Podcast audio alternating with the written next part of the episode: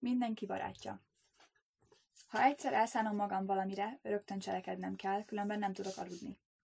Gyermekként néha éjszaka jött egy ötlet, de várnom kellett reggelig, hogy neki lássak. Ébren maradtam, és a falat karcolgattam, hogy teljen az idő. Ez olyan gyakran megesett, hogy szinte lyukat vájtam a falba, és a faldarabok kupacban álltak a földön. Akkor sem tudtam elaludni, ha napközben igazságtalanul bántak velem. Ilyenkor felkeltem az ágyból az éjszaka közepén, elmentem a bűnös házához, és kihívtam, hogy jöjjön és küzdjünk meg. Biztos vagyok benne, hogy nagyon nehéz lehetett a szüleimnek felnevelni engem. Nem nézhettem, ha valakivel igazságtalanul bántak. Ha a falubeli gyerekek verekedtek, én is mindig ott voltam, mintha én lennék felelős azért, hogy minden helyzetben igazságot szolgáltassanak. Eldöntöttem, melyik gyereknek nincs igaza a küzdelemben, és hangosan megvettem őt. Egyszer meglátogattam egy, a környéken zsarnokoskodó fiú nagyapját. Azt mondtam neki, az unokája ezt és ezt tette. Kérem, legyen gondja rá. Meg lehet, hogy tetteimben vad voltam, de gyermekként is nagy volt a szívem. Néha meglátogattam a már házas nővéremet a férje házában, és követeltem, hogy adjanak nekem friss és csirkét. A felnőttek sosem haragudtak rám emiatt, mivel látták, hogy szívem tele van meleg szeretettel. Az állatokról különösen jól tudtam gondoskodni. Amikor a madarak a házunk előtt raktak fészket, kis tavacskát ástam nekik, hogy ihassanak. Hántolt kölest, is, hántolt kölest is szórtam a magtárból a madaraknak. Először a madarak elrepültek, amikor valaki közeledett. Hamar felismerték azonban, hogy az, aki eteti őket, olyas valaki, aki szereti őket, és utána már nem repültek el a közelettemre. Egyszer kigondoltam, hogy halakat fogok nevelni, így hát fogtam pár halat, és beletettem a tavacskába. Fogtam egy marék haleledelt is, és szétintettem a vizen. Amikor azonban másnap reggel felkeltem, láttam, hogy az összes hal elpusztult az éjjel. Annyira vártam pedig, hogy felneveljem azokat a halakat. Ott álltam, és csodálkozva néztem, ahogyan a víz tetején lebegnek. Emlékszem, aznap egész nap sírtam. Apám több még családot is tartott. Fogott egy nagy kaptárt, és egyszerű alapot erősített az aljukra.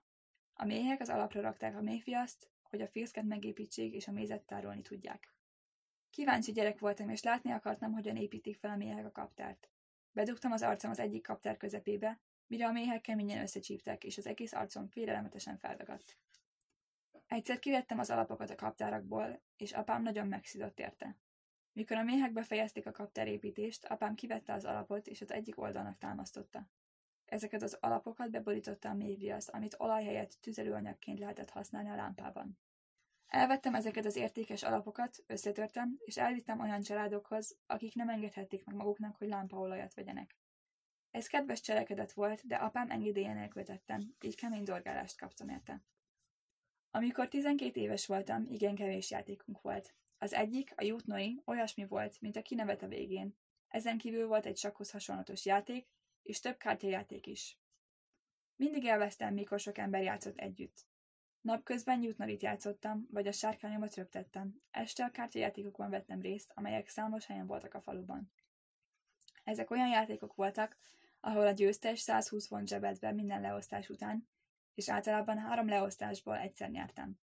Szilveszterkor és az új év első holtöltéjének napján ment leginkább a szerencsejáték. Azokon a napokon a rendőrség szemet hunyt a szerencsejáték felett. Nem tartóztattak le senkit érte. Elmentem oda, ahol a felnőttek kártyáztak, éjszaka aludtam egyet, majd amikor épp, már épp befejezték volna az éjszakai játékot, rávettem őket, hogy vegyenek be csak három leosztásra. Fogtam a pénzt, amit nyertem, keményítő szirupot vettem belőle, és körbevittem a barátaimnak, hogy mindegyikük megkóstolja. Nem magamra költöttem a pénzt, és nem is arra, hogy bármi rosszat tegyek vele. Amikor a nővérem férje meglátogatott minket, engedélyt kértem, hogy pénzt vegyek ki a tárcájából. Arra használtam a pénzt, hogy édességet vásároljak belőle a nélkülöző gyerekeknek. Keményítő szirupot is vettem nekik. Természetesen minden faluban vannak olyanok, akik jól élnek, és vannak, akik nem. Ha láttam olyan gyereket, aki főtkölest hozott az iskolába ebédre, nem tudtam meglenni a saját rizsből készült jobb ételemet. Így elcseréltem a rizsemet az ő kölesére. Közelebb éreztem magam a szegény családok gyermekeihez, mint a gazdag családokból származókhoz, és nem akartam őket éhesnek látni. Ezt a játékot szeretem leginkább. Még csak gyerek voltam, de éreztem, hogy mindenki barátja szeretnék lenni. Valójában barátnál is több akartam lenni. Olyan kapcsolatot akartam, amelyben megoszthatjuk egymással a szívünk legmélyét. Egyik nagybátyám mohó ember volt. A családjának dinnyeföldje volt, majdnem a falu közepén, és minden nyáron, amikor a dinnye megérett és édesen illatozott, A falubeli gyerekek kérlelték őt, hadd egyenek egy keveset. A nagybátyám azonban felhúzott egy sátrat a földre vezető út mellett, ott örködött, és egyetlen dinnyét sem osztott meg senkivel. Egyik nap elmentem hozzá, és megkérdeztem. Nagybátyám, megengedett, hogy valamikor a dinnyeföldre menjek, és annyit egyek, amennyit csak akarok? Nagybátyám szívégesen válaszolt. Persze, rendben van. Így hát megüzentem a gyerekeknek, hogy mindenki, aki dinnyét akar enni, hozzon egy vászonzsákot és gyülekezzen a házunknál éjfélkor. Éjfélkor elvezettem őket a nagybátyám dinnyeföldjére, és azt mondtam nekik. Azt akarom, hogy mindenki szedjen egy sor dinnyét, és ne aggódjon semmiért. A gyerekek örömmel felkiáltottak és berohantak a földre. Csak néhány percig tartott, hogy jó pár sor dinnyét lepusztítsunk. Aznap éjjel a falu éhes gyerekei egy lóherével teli mezőn ülve annyi dinnyét ettek, hogy majd kibukkalt a hasuk. Másnap nagy felfordulás volt. Elmentem a nagybátyám házához, ahol pokoli zűrzavar fogadott, akár egy felbolygatott méhkasban. Te csirkefogó, kiabált velem. Ez a te műved? Te voltál az, aki az egész dinnyetermésem tönkretetted? Mindegy, mit mondott, nem visszakoztam.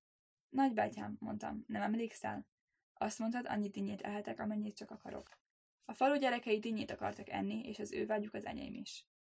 Helyesen tettem hát, hogy mindegyiknek adtam egyet, vagy egyáltalán nem kellett volna adnom nekik. A nagybátyám erre azt felelte. Rendben, igazad van. Elszállt a mérge.